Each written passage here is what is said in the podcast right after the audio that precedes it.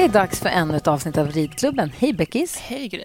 Vi sitter i kontoret på ridskolan Ja, på Gustavsbergs hästcenter. Och exakt. det piper lite i bakgrunden. Det är inte så att någon av oss ligger på intensiven och har en sladd inkopplad utan det är eh, Det låter exakt som det faktiskt. Det har jag inte ens tänkt på förrän nu. alltså, EKG, hjärtrytmmätare, Exakt, men det där är ju någon gammal... Eh, vad heter det? Man, router eller någonting. nej, du vet när man inte har alla sina grejer i molnet utan man har det på en Hårddisk. typ. Ja. Jag tror att det där är någon form av sånt. Ah, Så att jag vågar inte riktigt ur kontakten heller. ni får stå ut med att det piper. exakt. Om det låter lite i bakgrunden är det för att ridgymnasiet har lunch också. Ja, men precis. Ja. Det är fullt ös här. Det är det verkligen. Idag så ska ni få höra hur det lät när vi träffade en kille som beskrivs som en supertalang. Ja, Och det är han verkligen. Vi älskar att titta på när han rider. Han rider så fint och så duktig. verkligen. Där kan man snacka om hans följsamhet skulle jag vilja ta efter. André Brandt. Exakt. Ja. Så har ni inte sett honom, gå in och titta på honom. På hans Instagram finns Ja. det ju massvis med filmer. Och häng kvar här så ska ni få höra hur han låter och hur han resonerar och hur han,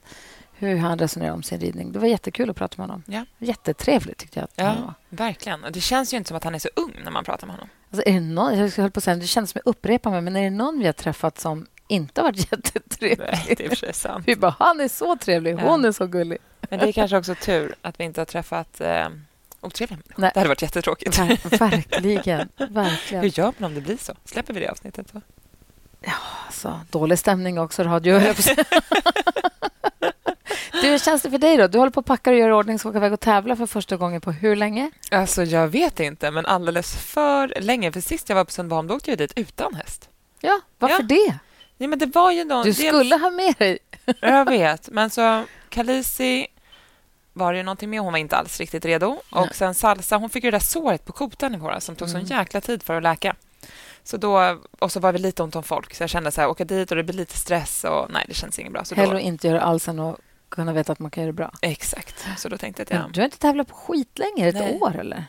eh, jag vet, jag vet, jag har faktiskt Nej. inte kollat upp det. Jag kanske borde Nej. göra det, eller så borde jag inte göra det. Nej, bara kör. Men, ehm, nej, men det så känns jag jättepepp. Det känns jättekul. Jag ska ta med mig Salsa och den nya hästen. Det är alltid lite läskigt. Det är inte likt mig att vara så här modig. men eh, han har ju tävlat för... Alltså han kan ju det här. Han Och hur varit, länge har du ridit på honom nu? Med typ en månad. Ja. Eh, han har ju tävlat på Sundbyholm förut. Så han, det är inte så att jag ska åka dit med honom för första gången i hans liv. Eh, så jag åkte på en liten penjamp här i lördags bara för att se att jag kommer ihåg hur man gör och hur man packar, hur man åker. Gjorde du det då? Jag gjorde det och det Ja. gick bra. Och då var det med både kaliber och salsa? Ja, exakt. Och det gick bra? Det gick toppen. Det var väldigt roligt. De kändes superpepp. Och då ibland när jag rider på ettan... Salsa har precis... Eller precis, men nu har hon börjat bli bättre på att byta galopp. Mm. Så det brukar vända sig till honom att byta galopp. Det är bara att hon var så glad så att hon körde någon superdubbelbrall. så det var så nära att jag ramlade av. Så innan jag ens hade börjat. Men det var roligt. Alltså hon känns väldigt liksom, fräsch. Hon känns så otroligt glad och tillfreds Ja. och liksom, ja, men happy, Ja, verkligen. Tycker jag. Ja, det tycker jag också. Nej, hon känns toppen. Så det känns jätte, jätteroligt. Jag var ute och red på henne med Nicky här för några veckor sedan. Ja. Och då, för hon ska rida ut och jag ska rida ut. ja. Och Nicky bara, nej men jag vill gärna rida själv. Jag bara, men, jag bara, ska vi rida åt, jag bara, vilken väg ska du? Ska vi rida åt olika håll när vi rider ut samtidigt? Det blir helt, jag bara, varför, varför det? Jag bara, Ja. men jag kan rida fort. För jag tänkte att, att hon brukar tycka att jag rider för sakta. Hon tycker att jag är tantrider. Ja. Jag bara, men jag kan rida fort. Och hon bara, nej men det är inte det. Det är att du är tråkig rida med. Nej, på mig. Varför tråkig kan man bli? Jag bara, "Ha, nej, nej. Men så det ena ledde till det andra och då skulle hon prova vår gamla sadel. För sen hon bara, ja men rid med mig då kan du kolla sadeln ligger. Ja. Och så red jag ut. Jävlar vad fort jag red. Är det sant? Okej, hur Jag fort tänkte är jag skulle göra fort. Du vet de små slalomsvängarna på Gottholma? Ja, ja. Fort! Men, så vände sig Nick om. Har du fartårar? ja. Är fort. Gud, vad roligt. Jag Ja. nickar först då, du bakom. Både vi turades om. Ja, ja. Och hon var lite, jag tror hon jag fick ett plus i kanten i alla fall. För hon tyckte att hon, så det gick fortare än vad jag trodde. ja men gud vad Jag roligt. tänkte jag måste upp till bevis nu. Exakt, så att du får hänga på fler gånger. Ja, Liksom. Men för hon tycker att jag fjär, du vet, så här, rider, jag rider någon, jag sitter ju, jag jobb, rid, man rider ju dressyr fast du, alltså man Ja, jobbar ju exakt. liksom hästen Exakt. även fast man är i skogen. Och då tycker jag att det ska vara ändå någon form av Ja. kontroll på galoppen. Men nu tänkte jag, nu kör vi bara. Nu kör vi. Idag är en sån här dag när vi ska bara galoppera. Ser så ett stockar och stenar svischar. och Jag bara, det går, det går. Men det var kul. Höja livförsäkringen dagen innan. Ja, men det var kul. Hon är fin, så Ja, snäll och hon fin. är ju det. Ja. Hon är väldigt gullig. Men du, de andra hästarna då? Du har ju verksamheten. Gustavsbergs hästcenter. Exakt. Och hur går det nu? Vad har du för liksom stora... Vi ska inte prata om alla grejerna. Vet du vad vi tänkte så här? Nej. Ska vi göra ett avsnitt där vi djupdyker lite i dig och din ridning och dina hästar och din verksamhet? Ja. Och också vi, vad vi håller på med. Nicky ska också tävla nu i helgen. Ja. Och eh, allt vad det liksom innebär med... Hon kvalar ju, försöker ju kvala nu. Jag är med på den här kvallistan till att rida i Jönköping. Och så fick hon tidsfel förra gången. Red 24 hundradelar för långsamt i Åh, grunden. nej. Så en bit in i omhoppningen bara... Tyvärr måste vi avbryta dig här för att du fick ett tidsfel. Alltså den besvikelsen. Nej. Klockan sju på kvällen en fredag i Eskilstuna. Och man Ah. bara, vad fan.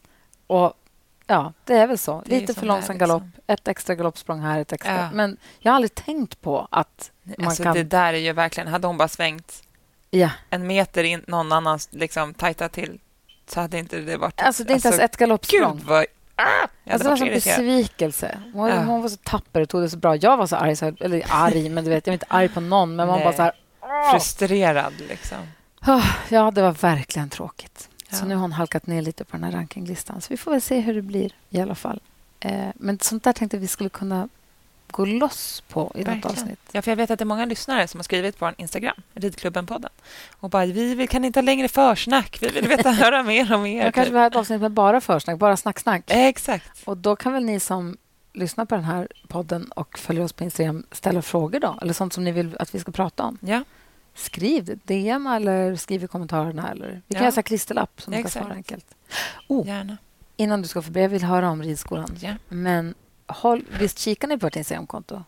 det Eh, hoppas jag. Jag höll på att säga fel konto. Jag höll på att säga Gryfsjön med vänner. Det heter radioprogrammet. Eller Ridklubben.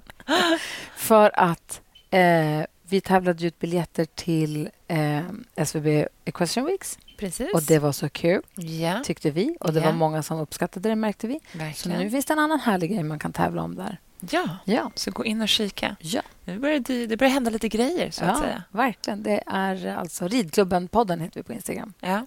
Få höra nu, vilka är de stora grejerna nu? Eh, oj, nej men en stor grej är att jag börjar komma ikapp mig själv. Eh, men det känns kul. Allt, allt känns liksom, det börjar så falla lite på plats och det börjar liksom kännas som att jag har koll på saker och ting. Eh, så det är väldigt roligt. Men sen är det alltid så här, alla hästarna är väldigt fräscha, men vi har ju några som börjar bli lite äldre. I ridskolan då? Exakt. Ja. Och där har det varit så svårt eftersom att vi inte vet hur länge det här ska finnas kvar. Eftersom att kommunen inte har tagit... Så det är, så, det är också svårt att köpa in nya hästar när man inte vet Mm. liksom hur... För är det bara det här året, då funkar ju de som jag har jättebra. Mm. Men blir det fler år, då vill man ju kanske börja byta ut dem som börjar bli lite äldre. Mm. Och man vill ju aldrig byta ut liksom hela alla hästar samtidigt, utan man vill ha kvar de här gamla lite när de nya är på väg in. För de hjälper ju varandra lite att komma till ro Ja, och hitta hitta, hem. Och, då. exakt, hålla ordning i flocken och lite sådana saker. Så det, och det är inte helt lätt att hitta nya ridskolehästar. Vad söker när du letar ridskolehäst? För man Ja. söker olika om man söker en tävlingshäst eller en ridskolehäst. Exakt. Vad tittar du på då? då? Ehm, Vad får de kosta? Ja, alltså gärna ingenting. jo, men det är väl klart att de kostar lite. Men jag köpte den här i våras, Sena. Eh, det är en tävlingshäst som har hoppat 1,35 internationellt. Så den är väldigt välutbildad och snäll och lite äldre. Eh, men den vill inte tävla längre. Så då fick jag köpa den. Väldigt, väldigt billigt. Det är också ett sto som är jättefin stam. Så jag tänkte att den ska jobba några år på ridskola och sen ska jag avla på den. Oh. Eh, men, och den är ju toppen. För den är välutbildad, den är liksom välbalanserad, den har taktmässiga gångarter och den är kul för att den eh, byter galopp. Alltså den kan lite rörelser också med de duktigare ryttarna, men den är också väldigt snäll och välbalanserad för de mindre duktiga ryttarna. Tror du att det är svårt att få folk att sälja sina hästar till en verksamhet? Eh, alltså storhästar upplever jag ändå att det finns ett större utbud än ponnysar. Det känns som att barn är väldigt så här, "Nej, min ponny ska aldrig få gå på, rids- bo på ridskola. Nej, för att ens bästa, bästa, bästa kompis. Exakt. Och där känns det tråkigt. Det känns som att det är lite kunskap som brister. För jag tror oftast kanske att det är många ridskolehästar som har det bättre än privathästar. Mm. Tror jag. Eh, så jag hoppas att vi kan liksom omförvandla det. För jag vet att många säljer hellre sin häst till en ridskola för där finns ju alltid kunnig personal och kunnigt folk än till en privat. Jag tror det är större min risk. Första, min första ponny blev ridskolehäst. Det är första kärleken i livet. ju. Ja. Och, så. och Jag kommer ihåg att jag tyckte att det var deppigt. Hon gick via en, en eh, fodervärd först, men Ja. sen så blev hon ridskolehäst till sist. Eller om jag sålde. Ja, hon slutade fast som ridskolehäst. Och jag kommer ihåg att jag tyckte att det var deppigt för att man vill ju, man drömmer ju om att ens ponny ska bo hos en toppen person som ska älska den och ta hand om den och rida på den på ängarna och, och skratta och ha roligt. Men tänk en den. ridskolästa som Jag har vet. tio toppenpersoner Jag som vet. älskar den och ger den så mycket uppmärksamhet. Ja, och att den blir omhändertagen. Ja. Och den får ju veterinärvård och hovslagare och mat och om, ompyssling. Och det, rykt, alltså, de ryktas ju på de här ridskolehästarna. Så att, ja. så det är ju, och jag tror, hon arbete hade, och- jag tror min häst fick det toppen. Ja. Jag tror hon hade det jättebra. Ja. Sen tror jag också det finns ju bra och dåliga. Både privatryttare och ridskolor. Alltså så, här, så man Ja. får ju försöka hitta någon där man känner förtroende liksom, Mm. och att de har en bra hästsyn, Mm. eh, tycker jag. Men det är lite klurigt, så det håller jag på med just nu. Eh, försöka hitta de här. Det känns ju också som att aveln har varit rätt så hård de senaste åren. Att det liksom avlats på mycket eh, liksom kapacitet och nerv och allt sånt. Och Det vill man egentligen inte riktigt ha i en ridskolehäst. Nej. Jag vill inte ha en ridskolehäst som hoppar en bom som att det är 1,30. Nej. Det är inte kul. Det gjorde Kalessa idag med mig. Nej. Jo, nej, inte en bom. Det var typ 50 centimeter av vattenmatta under. Du vet när de hoppar och skjuter så mycket rygg så att jag var den ryttaren du vet, när det kändes som att nu flyger jag. Ja. Höll i mig. Så det, ja, men det, är lite, det är lite klurigt. Liksom. Men det är också kul. Jag, tycker, jag ser det som en utmaning. Ja, för fan, vad letar du någonstans då? Är det på det är Hästnet eller är det på Facebook? Eller vad, vad hittar du? Eh, dem? nej, men det är typ lite överallt. Mycket via kontakter, skulle Ja. jag säga. Eh, sen är det såklart man håller lite span på Hästnet. Typ. Eh, men sen är det också bra typ, sen när man har så stort stall och lite prathästar. Då vet man ju några som kanske ska sluta eller börja plugga eller göra saker. Om man tror att den kan vara en bra ridskolehäst. Mm. Då försöker man ju fråga om man inte kan få köpa den. För då känner man den också och vet liksom, lite mer Mm. hur den är. Men annars mycket via kontakter. Jag vet att många importerar ju hästar. Eh, eller i alla fall ponnyer från bland annat Irland. Hur gick det senast? Eh, jo. det var inte jag. Nej, jag vet. Det kom, eh, vi köpte två och det kom fyra, varav en mula. Ja. Det var ju Båda var på spännande. Ja. Hur går det med Och mulan? det där har man inte heller tid med. Nej. Alltså, jag kan inte köpa hästar som ska vara liksom dräktiga och gå med föl. Det var så kul när den där å- åsnefölet kom. Jag bara, Den den ser så verkligen ut som en åsna. Men den var så, fin. vacker. Ja. Alltså så fin Ja. färg och liksom, nej, tecknad. Den var jätte, jättefin. Men lite arg. Åsnor är oftast lite ja, Åsne. åsniga. så jag vet i alla fall att jag inte ska ha en mula. Nej. Det vet jag. Eh, nej, men så är det någon som har någon fin ponny eller häst som vill ha ett gott hem med mycket kärlek, så hör av er. Verkligen. Ja. Verkligen. Ja, nej, men vi laddar upp för ett, eh, en, en frågepodd då, eller en djupdykare, ett försnackspodd Ja, så småningom. Kanske inte nästa avsnitt, eller Nej. nästa. Vi får se. exakt. Men håll utkik på vårt Instagramkonto också, eh, Ridklubben-podden. Ja, och nu är jag i Sundbyholm här i två dagar och sen är ni där. Så ska jag försöka eh, lägga upp lite på Instagram därifrån. Ja, det ska jag också försöka göra. Ja. André Brandt som ni ska föra nu, vi träffade honom i, samband, i somras i samband med eh, tävlingarna på Ryttarstadion. Men jag såg honom också i Sundbyholm på SM när han red sin fina skimmel. Ja. Då när det var så jäkla kallt och regnigt. Ja. Men det var, var fint han rider. Alltså. Duktig han är. Ja, alltså, han är jätte, jätteduktig. Mm. Jag har också prickat in de bästa veckorna på Sundbyholm, tror jag. Ja. I våras, härligt väder när jag var där. Ja. Nu, 22 grader och sol ska det bli när jag Jag hoppas. Ja, jag hoppas. tummarna. Okej, nu ska ni få höra hur det lät när vi träffade André Brandt i början på sommaren.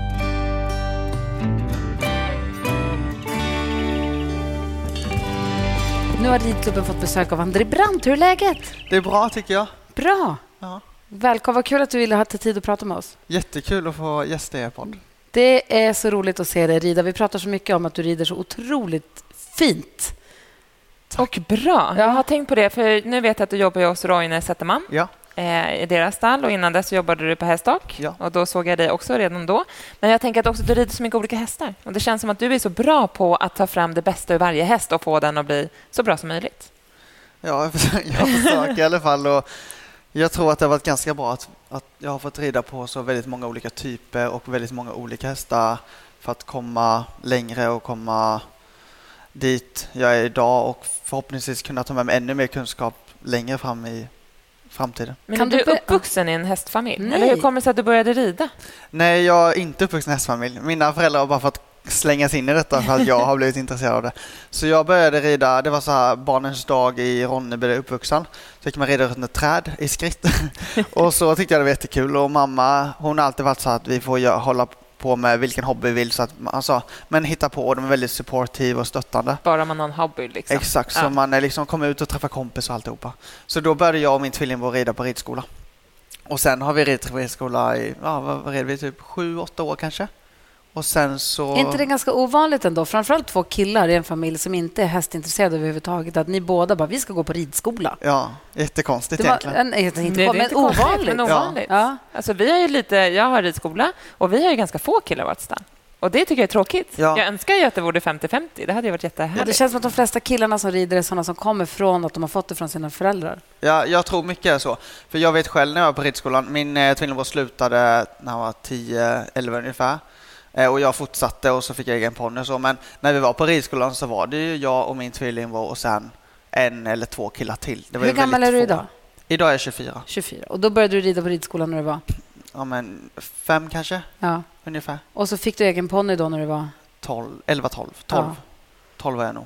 Och då var inte tvillingbrorsan avundsjuk på dig för att du fick det och han hade slutat? nej, nej, men han, vi höll på med hockey samtidigt båda två också. Så han valde hockeyn då och jag fortsatte Okej. med båda. Eh, och sen slutade jag med hockeyn ett par år senare. När jag hade, jag hade både egen häst och höll på med hockey då. Mm. Men sen slutade jag med för jag tyckte hästarna var lite roligare. Vad är det du fastnat eh, för hos hästarna? Men jag tror från början var det bara kärleken till hästen. Jag tyckte det var väldigt kul att bara få vara i stallet och rida på ridskolan och ja, men hänga med alla som var där och bara men vara i stallet egentligen. Och rida på den dagen som vi red på ridskolan. För jag tänker så här, om man jämför, typ du som nu kan jämföra hockey och ridning, eftersom att du gjorde båda två Ja. när du var ungdom. Ja. Så det, det jag upplever är att stallet blir som en fritidsgård. Alltså dit kan du ju gå och hänga varje dag, Ja. även fast du inte rider. Så är det ändå, det finns alltid någon häst som behöver borstas eller mockas eller pysslas med. Men det känns inte som att man åker till ishallen om man inte har en träning eller ska vara där. Nej, man åkte ju till eh, ishallen när man hade träningar eller vi hade fysträning eller när det var så här friåkning på helgerna. Ja. Men till stallet åkte jag ju varje dag, även de dagarna jag inte red, för jag tyckte det var så kul att bara vara i stallet. Och så hjälpte jag personalen att släppa in hästarna från hagen, så jag cyklade direkt från eh, skolan till stallet och hjälpte till att släppa in hästarna från hagen och så var vi ledare och hjälpte de som var, lite, som var nybörjare och ja, men vi hade jättekul och så fick man x antal gånger de hjälpte till fick man rida en extra gång på en söndag. Ja. Och så, så det vi var ett gäng där som var i stallet hela tiden och hjälpte till. Och, ja, men efter lektionen var klar så hjälpte till att fodra hästarna var det bästa som fanns. Om jag fick fodra hästarna för då fick man gå in och gosa med dem och fodra hästarna. Alltså en riktig hästälskare. Alltså, Ja. Och där, men det är många som har den uppväxten och den kärleken till hästarna som du hade då. Det där delar man ju och känner igen så mycket. Men det är inte alla som blir proffsryttare och rider på den nivå som du gör. Hur var den resan?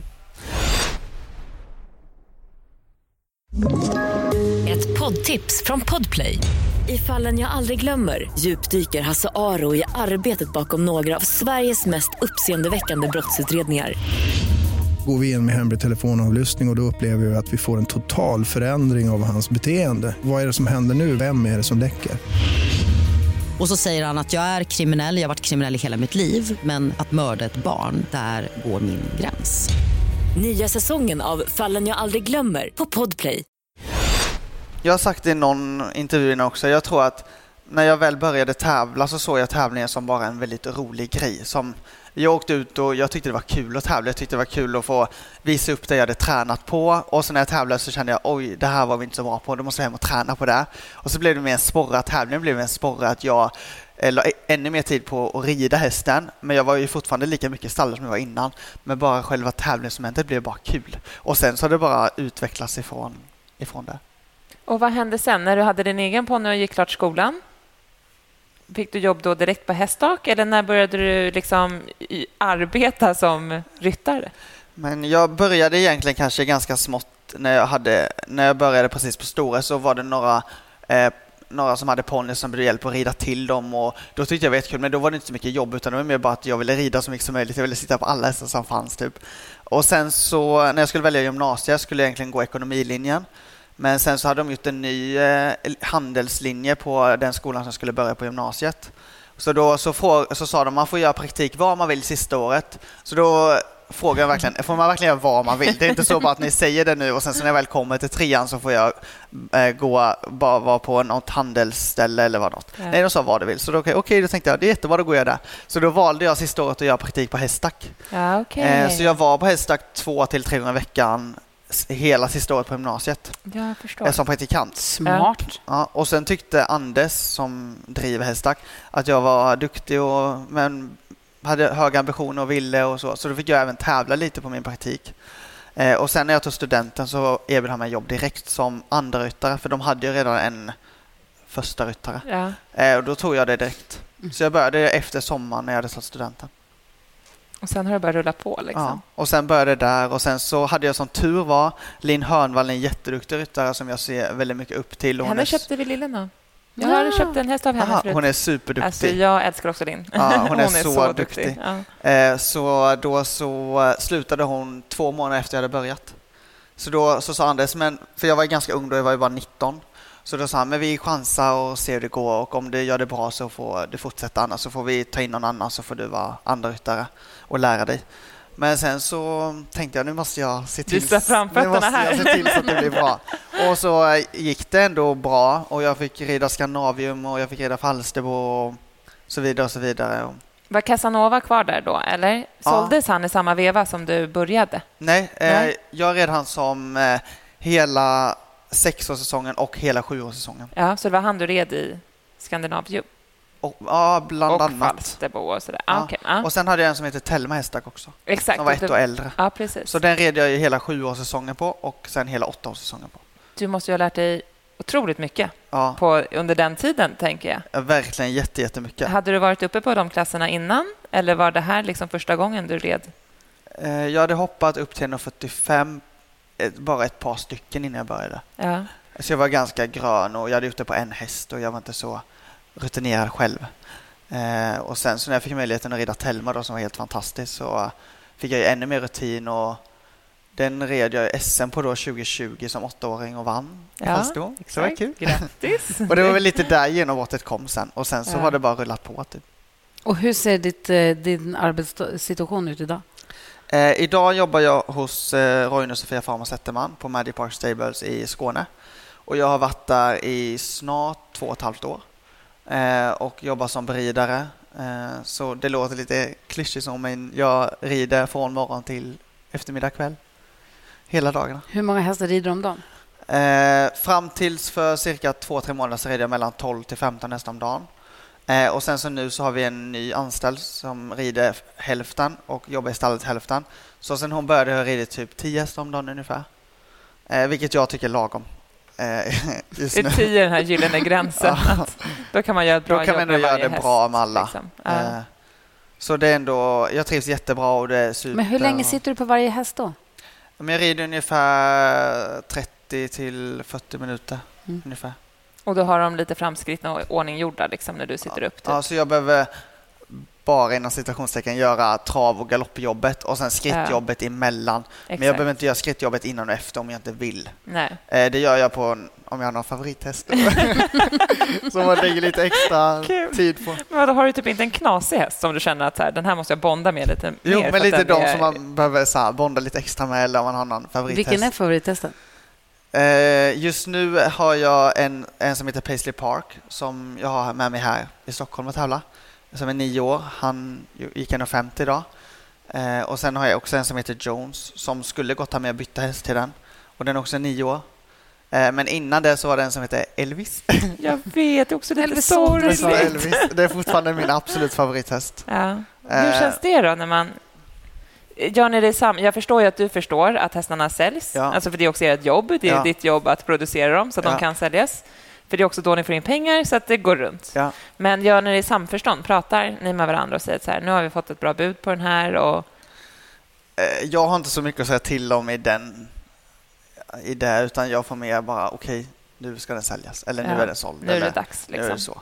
Ja. Men jag förstår ju samtidigt, men samtidigt så hade det varit kul att i alla fall få ha en eller två behållare så man kan göra en mer långsiktig satsning på. Nu får jag mer göra en satsning på de hästar jag har och sen kanske det är någon som åker bort och sen får jag en ny häst och sen åker någon som åker bort och sen får jag en ny häst. Ja. Så det är svårt att göra en långsiktig satsning men jag får ju väldigt mycket rutin och jag får reda på väldigt många olika hästar vilket gynna mig tror jag i framtiden. Ja.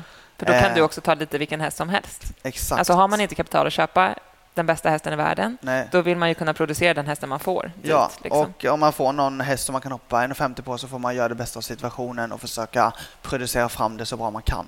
ja. Eh, Medan om jag bara till exempel hade haft två hästar och gjort samma, ridit samma hästar år in och år ut så kanske jag inte hade fått den eh, kvantiteten och att kunna rida många olika typer av hästar som jag får nu när jag har fått rida väldigt många olika. Vilka är dina styrkor som ryttare? Men jag skulle nog säga att det är att jag har ridit väldigt många olika hästar och olika typer av hästar och att jag är väldigt lätt att om jag sitter upp på en häst så är jag väldigt lätt att känna typ, ja ah, men den här är behöver jag göra lite så eller si med och den behöver träna så eller den behöver träna si för att jag ska få det bästa av det eller om jag har hoppat en runda så känner jag direkt bara okej men jag behöver rida så här eller jag behöver vara lite mer offensiv eller lite mer defensiv eller bara lite mer stilla eller på, eh, inverka lite mer på den eller vad det nu kan vara. Och då kan du agera i det. Alltså, jag, tänker, jag vet ju också att jag måste vara lite mer offensiv. Men så gör man ju inte det ändå, för att jag är inte som du. Men då kan du direkt så ställa om. Okej, nu måste jag liksom... Ja, men jag skulle nog säga jag är ganska bra så att bara hoppa upp och bara göra, alltså, Ja. bara göra det liksom. Härligt också, för det är ju... Ju mer man läser om hästar, desto svårare är det ju. Ja, Och mer komplicerat blir det. ja, Så ibland så upplever jag också att vi gör det svårare än vad det faktiskt är. Mm. Alltså ibland ser man ju så här, jag måste ju galoppera mer.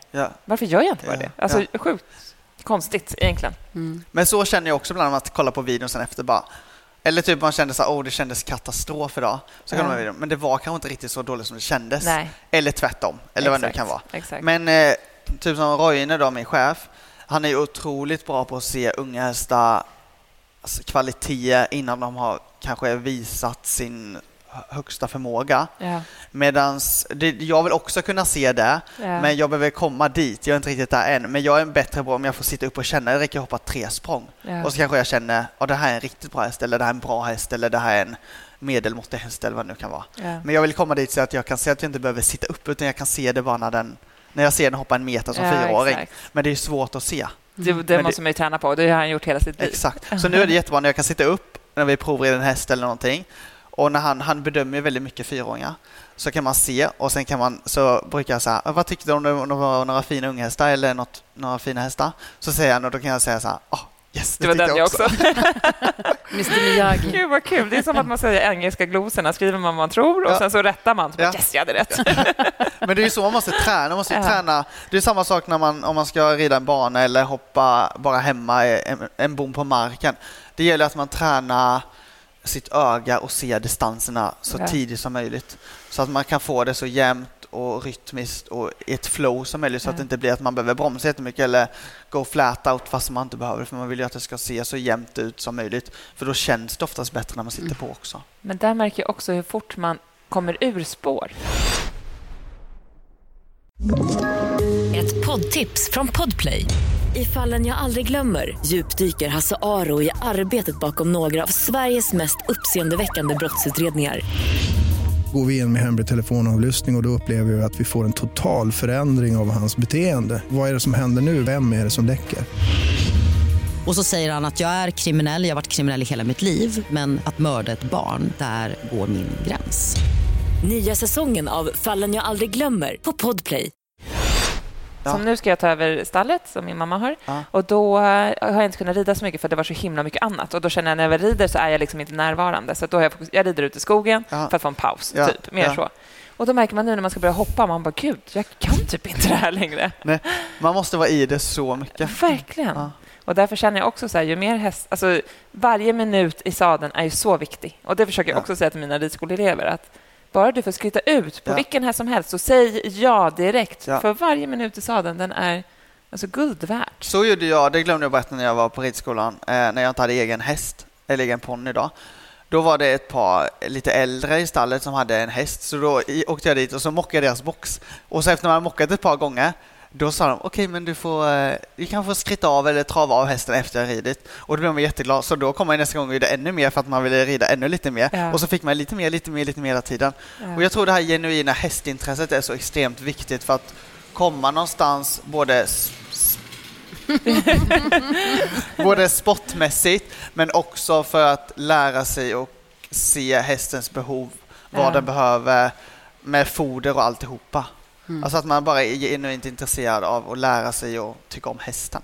Ja, alltså jag har inte som... hoppat. Jag tävlade lite grann, fast på mycket lägre nivå för länge sedan. Ja. Sen så hoppade jag lite grann, bara så någon meter för kul. Men nu är det flera år sedan jag gjorde det, så nu vet, det går, jag kan ju, vågar inte. Det har gått för många år. Det går inte. Men det jag gjorde för inte så länge sedan var att jag hoppade upp och red ut barbacka för första gången på 30 år kanske. Ja. Och det var som ett minne från ett före detta liv.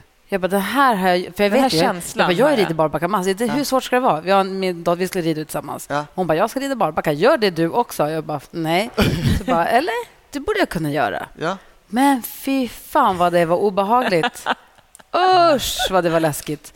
Och apropå så här länge sen, jag ingen, alltså det kändes, allt kändes skitweird, men det kändes, det klingade bekant Ja. långt, långt bak i huvudet, men det var inte en Jag förstår angenäm varför man upplevelse. använder sadeln idag. Ah, så ja, det kommer inte att upprepas. Nej, det kändes obalanserat och läskigt och oskönt och det var obra på så många sätt. Men nu har jag provat. Ja. Om, om man gör det flera gånger så kommer det kännas mer bekvämt och mer Jo, bekvämt och mer exakt. bekvämt. Så är det ju. Men vi skippar det där, tror jag. Men jag tänker, då fokuserar du mycket säkert på att bli en bättre ryttare nu när du rider så mycket och kanske inte gör så mycket stalltjänst, eller Ja, vad man ska säga. ja. Och är ute och tävlar otroligt mycket. Ja. Hur... Nu när du, ibland så kan jag sitta upp och så här, man vet ju typ vad man ska göra, man har lite kanske idétorka eller om en häst är lite att den biter sig fast i en sida.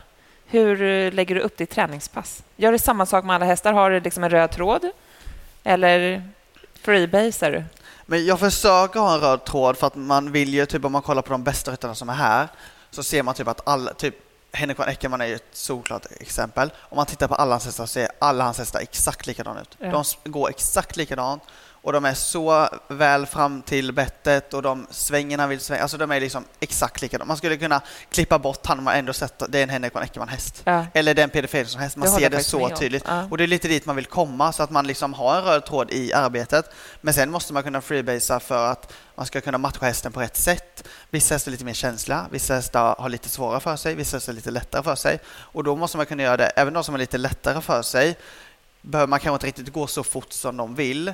Nej. För att då kanske man får ett bakslag sen när man väl kommer till den dagen som de verkligen behöver anstränga sig för uppgiften. Medan de hästarna som kanske har lite svårare för sig eller som behöver lite mer tid, då kanske man kan pusha lite fast man kan inte pusha för mycket. För då blir det för svårt för uppgiften. Så kan man få backa bandet lite ett och ett tag när man har känt att det här är det som den kan göra just nu. Så backar man och sen kan man ju komma tre steg längre snabbare bara för att man har satt det lite långsammare. Men typ om jag sitter och trimmar så försöker jag typ rida mycket innanför spåret med alla hästarna oavsett om de är gröna eller äldre hästar. Eh, bara för att jag vill ha dem mellan hand och skänkel och vill kunna ha dem på rakspår och att de är raka så mycket som det går. Sen vet jag att de inte är raka, men jag, jag försöker i alla fall. Eh, och jag gör jättemycket skolor, mycket öppna och slutår. Eh, och någonting jag har börjat med nu för ett år sedan ungefär är att jag gör samlingen ganska mycket i sluta. När jag ökar och minskar i galoppen. Så jag gör sluta så att, för jag vill ju att de ska sätta sig bak när de kommer ut på banan med hjälp av min sits och min eh, skänkel och inte att jag behöver dra i tygen. För om man kommer efter ett stort vatten och det ligger en planka så om man eh, bromsar med handen alla steg så vet man att då kommer de riva den plankan för att det, det måste vara så på bakbenen. Men om jag kan komma där och kanske göra en liten slutarrörelse eller tänka lite sluta så att de sitter bakbenen och lägger balansen på båda bakbenen och inte bara lägger balansen på ena bakbenet så kanske jag kan få dem att sitta lite till och så kanske de klarar den, den, den plankan. Så jag försöker tänka liksom tävlingsstegen och försöka sätta det i träningsmoment. Hur gammal var det du sa att du var? Varför har vi inte kommit på den genialiska idén? Men sen så är det inte säkert att detta funkar för alla, men det har funkat ganska bra för mig. Ja. Och man behöver hitta något som funkar för en själv och något som man själv trivs med och något som man känner att hästarna trivs med framför allt. Vilken typ av häst faller du för? Jag skulle vilja säga att jag trivs med lite mindre hästar och lite kvicka, snabba hästar. Men just nu i stallet har jag nästan bara stora och långsamma hästar. Men tänk vad bra du kommer bli på att rida dem också då. Ja, ja, ja. alltså, Det är typ den Elvis som jag älskar. Den Ja. är dock snabb och kvick och reaktionssnabb. ja. Men den är ju 1,85 hög. Ja. Wow! Ja, den är väldigt, väldigt hög. Gud. Ja. Eh, Och sen den Palle som jag tycker om väldigt mycket, den är 1,77 kanske hög. Ja. och lite långsam. Men jag tycker om den jättemycket ändå för den har väldigt mycket kapacitet och den, eh, den vill göra ett bra jobb och den är väldigt... Det känns som en tävlingsindivid. Och det tycker jag om när, de, när man känner att de är tävlingsindivider själva. När ni är och provar nya hästar, Ja. då gör du och någon av era stallet tillsammans. För det är du och Sofia som är liksom ryttare Ja, i stallet och tävlar i hästarna, eller hur? Ja. Sen har ju ni kanske hästskötare som rider lite också. ja. Och sen har vi en tjej som jobbar, Filippa heter hon, Lagergren. Hon Ja. jobbar 50% i stallet och 50 eh, som ryttare. Men hon tävlar inte hästarna? Eh, Hon, eller det hon gör hon också? Fyra tävlingshästar nu. Okej. Och sen hjälper hon mig att trimma dem. Ja, men precis. Men det är jag och Sofia som är... Första Ja, ryttare. liksom. Ja, exakt. Men och då när ni ska åka och prova nya hästar, Ja. köper ni dem på film eller åker ni alltid och provar? Eller hur gör ni? Eh, det är olika, men ofta så provar vi dem. Ja. Eh, och eh, Roine, vi är ute på väldigt mycket tävlingar, så ofta så brukar han se en häst i en klass. Och så frågar vi för prova den på tävlingen, så kanske vi hoppar fyra, fem språng eller något. ja. Och sen så köper han den. Sen köper han. eller om man hittar någon och så han dem komma, eller om vi åker dit och provar. Det är lite olika. Har du några tips, om det är någon som lyssnar på den här podden som ska köpa häst? Har du några provridningstips? Eh, Jag tycker att man ska göra det väldigt enkelt och väldigt easy för att man själv känner ju inte hästen och man själv kanske är lite nervös och de som, man kanske känner att man har lite press på de som tittar så bara gör det väldigt enkelt och börjar väldigt eh, lågt och när man rider fram så bara rid fram väldigt easy i trav och galopp och känner att du känner och gör någon volt och galoppombyte om hästen kan det om den är tillräckligt gammal för att kunna det. Eh, och sen börja, men börja gärna med ett kryss eh, så att man bara känner att man kommer in och att man blir ett med hästen och sen så behöver man inte hoppa så högt utan hellre då att man åker och provar den en gång till om man tycker den är bra. Både för kunden eh, och för en själv att man inte hoppar hästen i onödan om den inte behöver hoppa. Eh, och eh, så att man visar ett genuint, genuint intresse att man kan komma tillbaka nästa gång fast att man tyckte om den hästen som man, den kanske inte passade när man provade. Men man vet att man är välkommen nästa gång om man säger jag hoppar två svang, tyvärr det är ingen häst som passar mig. Men, Då gör du det. Då Ja, sitter du ja. av. Då säger du det här är ingenting Ja, jag kan hoppa två språng och säga nej men det här är ingen häst som passar mig eller den känns lite si eller den behöver lite mer rutin eller vad det nu kan vara. Ja. Eller, Istället för att hålla på och Någonting. rida bara för att och man har åkt dit. Exakt, så, för jag menar det är väldigt, eh, jag tycker att det jag vet själv om det kommer några kunder hoppa, hoppa, hoppa, hoppa och sen så vill de ändå inte ha den. Då känner jag, då kunde du ju sagt innan att det är ingen häst för Nej. mig, men jag kommer gärna tillbaka och prova en annan häst om jag, hitt- om jag vill ha Men är inte det att man känner sig fräck då? Att man kommer dit och dissar? Om det är någon också som säljer en häst som de älskar. Att man kommer dit och bara så här...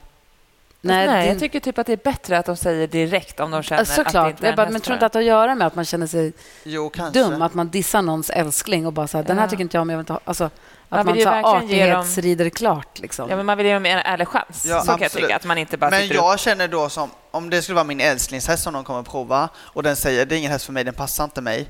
Då hade jag uppskattat mer. Sen vet jag att det är många som kanske inte uppskattar det, men då hade jag uppskattat, okej vad bra att min häst inte behöver hoppa i onödan. Då kan Nej. jag hellre hoppa på den. Exakt. Eller, Eller någon annan som vill köpa. Men jag vet att det kan vara väldigt känsligt från båda håll. Och att man kanske inte vågar det om man ska åka och prova en, eh, en C-ponny som hoppar atlet C. Då kanske man inte är så då kanske man inte vågar säga efter tre språng, men det var ingen häst som passade mig, utan då kanske man gör klart hela Och provridningen. då kanske man inte vet det heller själv. Alltså, Ja. Då får ju kanske den på marken Exakt. vara den som säger Men att... jag tycker verkligen att jag tror verkligen det är ganska bra att man Alltså att man vågar stå på sig så och säga så. För det är bara bra och det är bara bra mot hästen och det är bra mot de som har lagt ner tid och visa hästen. Man kan inte vara så att man hoppar upp på en häst, rider lite, tar några språng och bara så här, shit, det känns inte bra. Men rider man fem minuter till så kanske man hittar nycklar Ja, absolut. som man absolut. inte... Eller man hittar liksom varandra Men det där tänker jag, är man inte proffs själv, då behöver man ju ha någon på marken Ja. som kan se det och säga Ja. att du borde rida fem minuter till. Ja, Men jag tänker som du som är ett proffs och provar hur mycket hästar som helst. ja, Du känner ju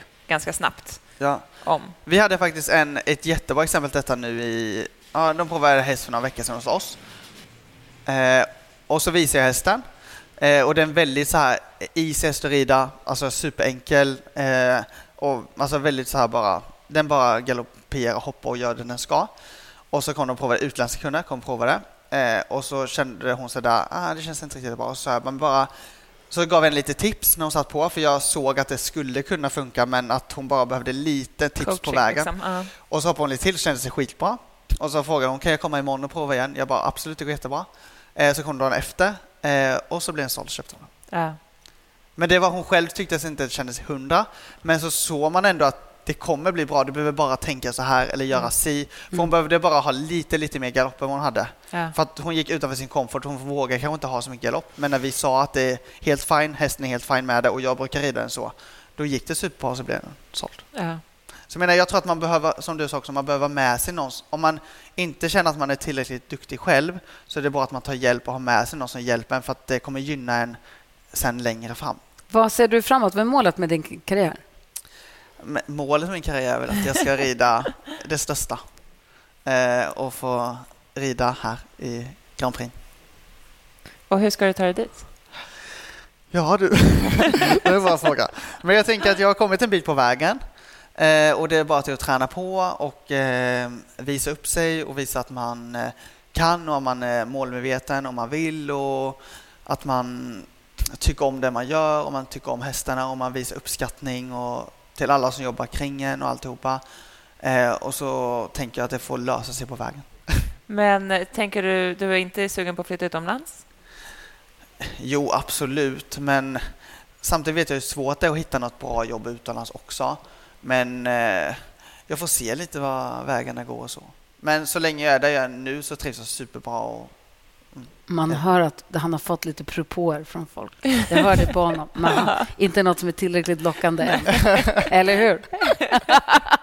Jag säger inget. Jag, jag läser mellan raderna. Men än så länge har du det bra där du är. Ja, ja, verkligen. Det är roligt att följa. Vi följer din karriär med spänning. Vi ser jättemycket fram emot det. Tack för att vi fick hänga med dig. Tack så mycket för att jag fick gästa i podden. Ja. Tack.